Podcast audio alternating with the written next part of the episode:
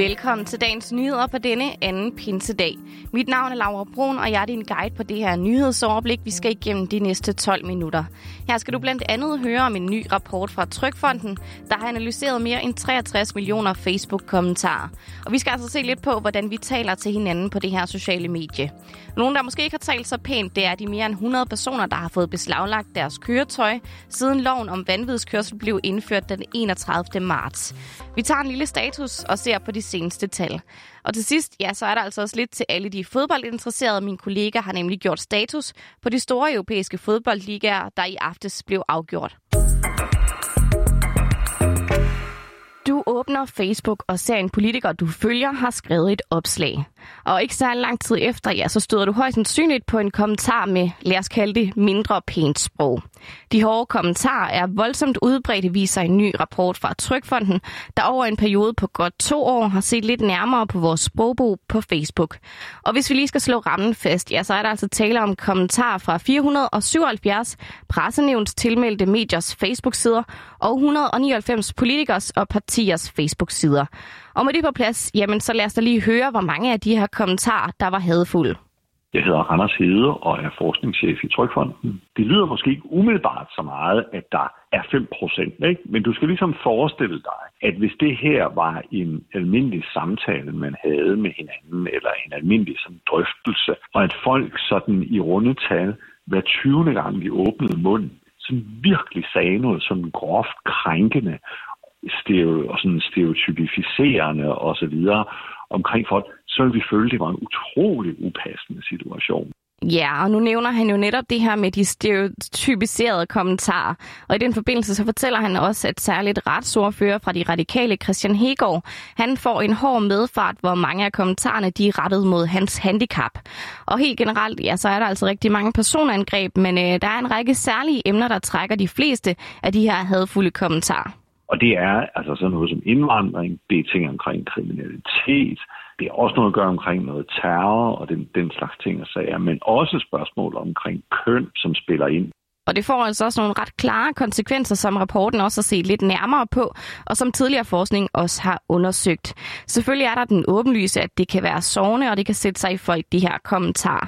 Men øh, en af de helt store konsekvenser kan være, at det kan påvirke demokratiet, fordi folk simpelthen trækker sig fra debatten det er jo ikke fordi, der ikke er problemer, for eksempel med kriminalitet, indvandring, integration og sådan noget. Men det at få en mere nuanceret folkelig diskussion, hvor vi prøver at diskutere om de problemer, der er, men også de løsninger, som nogen går og siger er derude. Altså få en savlig diskussion omkring det. Der er utrolig mange erfaringer rundt omkring for alle mulige mennesker i samfundet, ikke, som det kunne være enormt relevant.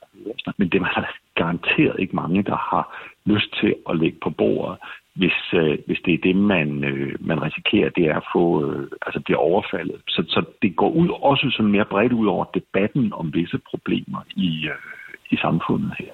Ja, men nu har man altså helt friske tal på, hvor stort og udbredt det her problem er. Og rapporten har også delt mange af tingene ind i bokse, så man kan se, hvor der er størst behov for at sætte ind. Og det er faktisk hele ideen bag rapporten, for selvom den ikke giver løsningsforslag som sådan, jamen så er rapporten en del af løsningen, mener Anders Hede. Kan vi definere det? Kan vi måle det i et eller andet omfang? Fordi det er også forudsætningen for, hvis vi så går i gang med noget og siger, nu, nu går vi i sving med at moderere for eksempel meget, investere i, i moderation, Opnår vi så, at omfanget falder? Opnår vi, at der er flere mennesker, der deltager? Opnår vi, at den debat, der foregår, der er mere respekt om argumenter og erfaringer, end, end at man bare øh, altså, tabler hinanden benhårdt? Nogen, der til gengæld er blevet taklet benhårdt den seneste halvanden måneds tid, det er vanvidsbilister.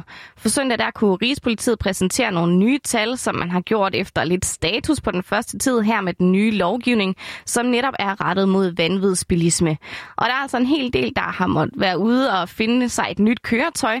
Præcis hvor mange lader vi herren her fortælle. Christian Bertelsen, politiassistent ved Rigspolitiets Nationale Færdselscenter. Vi har øh, beslaglagt siden øh, loven her trådte i kraft 31. marts, har vi altså beslaglagt 108 køretøjer frem til i dag, hvor 47 af dem har altså så haft en anden ejer, end den, der har kørt køretøjet.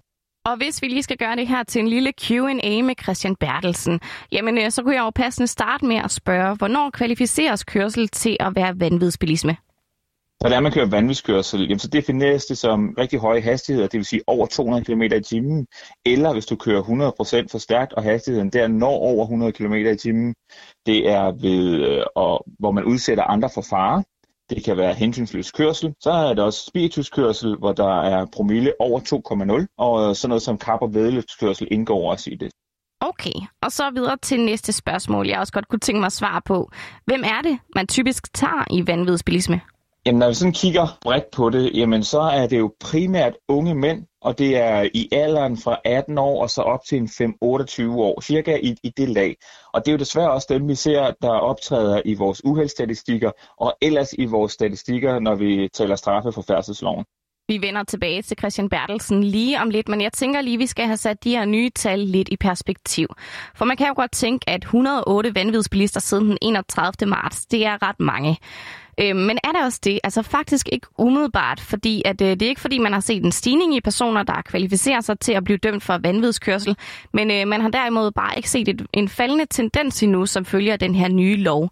Og det er faktisk noget, der undrer Rigspolitiet.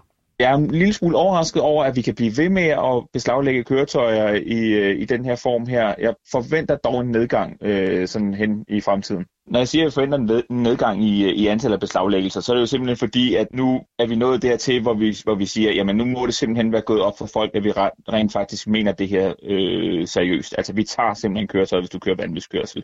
Udover det, så er det også en tendens, vi plejer at se, når der bliver indført en ny lov i, altså i omkring færdsel. Det er lige netop, at vi ser mange sigtelser lige i starten, og så fader det stille og roligt ud, fordi så går det op for folk, at det her det er seriøst. Og hvis man ser på den generelle indsats mod trafikanter, der har lidt for tunge fødder, jamen så er året startet ud med rigtig mange indsatser mod fart. Der har været flere uger, hvor der har været ekstra mange fartkontroller. Vi kan for eksempel skrue tiden tilbage til uge 16, hvor politiet landet over havde fokus på hastighedsoverskridelser. Og her var der knap 9.000 bilister, der endte med at få sig en bøde i postkassen, mens syv fik beslaglagt deres køretøj på stedet. Men nogen ekstraordinær indsats for at sætte fokus på vanvidsbilisme, det bliver det altså ikke til i den her omgang. Og her afslutningsvis, så skal vi lige forbi fodboldens verden, fordi vores in-house fodboldelsker Martin Sodemann, han har set lidt nærmere på søndagens resultater i de store europæiske ligaer, og hvad de betyder. Fordi det var altså sidste spillerunde, og der var rigtig meget på spil. Ja, lad os begynde rundturen her i Premier League, fordi her var Manchester City sikret mesterskabet, mens lokalrivalerne fra United var sikret en anden plads. Men hvis vi lige runder City, ja, så spillede de jo også en kamp, og her blev det til store sejr over Everton, men kampen vil mest af alt blive husket for et farvel til ham her. Ja, Sergio Kun Aguero, der jo mere eller mindre rygtes på plads i Barcelona. Men der er intet, der er sikkert, og det var bestemt også scenariet forud for runden, hvor det var, at top 4 var alt andet end afgjort. Der var nemlig to pladser, men tre bejlere, og det var altså Chelsea og Liverpool, der gik ind til runden på de gode pladser, men med Leicester og Kasper Schmeichel sådan lige i hælene. Og det blev en sidste spillerunde, der var lige så spændende og intens, som man kunne have håbet på med skiftende føringer. Liverpool, de var ret godt i kontrol hjemme mod Crystal Palace og vandt den ret sikkert 2-0. Men Leicester, ja, de var altså to gange i vinderposition og var faktisk op på den sjove plads og var ved at smide Chelsea ud, der var bagud mod Aston Villa. Men Leicester, de tabte til Tottenham, og så var det faktisk ligegyldigt, at Chelsea de også tabte. Dermed så ender top 4 med City, United, Liverpool og altså Chelsea, og det er de fire hold, der skal i Champions League næste år.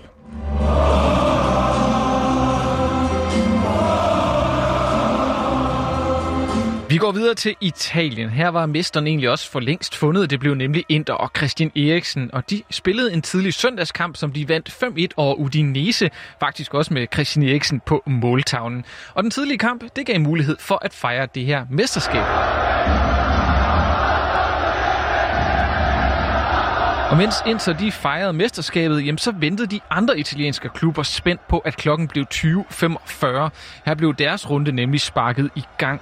Og her var kampen om top 4 mindst lige så spændende som den i Premier League. Atalanta på andenpladsen, de havde mere eller mindre sikret sig en top 4, men Milan og Napoli, ja, de lå bare et point foran Juventus, der lå på femtepladsen. Og Juventus, de valgte simpelthen at bænke ligatopscorer Cristiano Ronaldo, men det gjorde dem faktisk ikke mindre farlige. De slog nemlig Bologna og Andreas Skov Olsen med 4-1. Og derfor så skulle de altså håbe på, at en af de andre to, de dummede sig. Det blev ikke Milan. De gjorde deres og vandt 2-0 ude over Atalanta, og dermed så byttede de faktisk plads i ligaen, som Milan endte som toer og Atalanta som treer. Men hvem blev så nummer 4? Jamen Napoli de kom egentlig foran mod Verona, men kort efter så blev der udlignet, og kampen endte 1-1. Dermed så sluttede Juventus på fjerdepladsen og kan altså se frem til Champions League i næste sæson. Arrivederci, Serie A og Bonjour Ligue 1. Vi har næsten gemt det bedste til sidst, for i Frankrig, ja, der var mesterskabet faktisk stadig i spil på sidste dagen. Overraskelsen fra Lille gik ind til ligafinalen, så at sige, med et forspring på et point ned til mægtige PSG med Mbappé og Neymar. Og begge hold skulle et smut på udebane mod sådan relativt overkommelig modstand. Og jeg vil faktisk overlade det til en gruppe fans at uh, spoile lidt eller synge lidt her, hvem der egentlig løb med mesterskabet.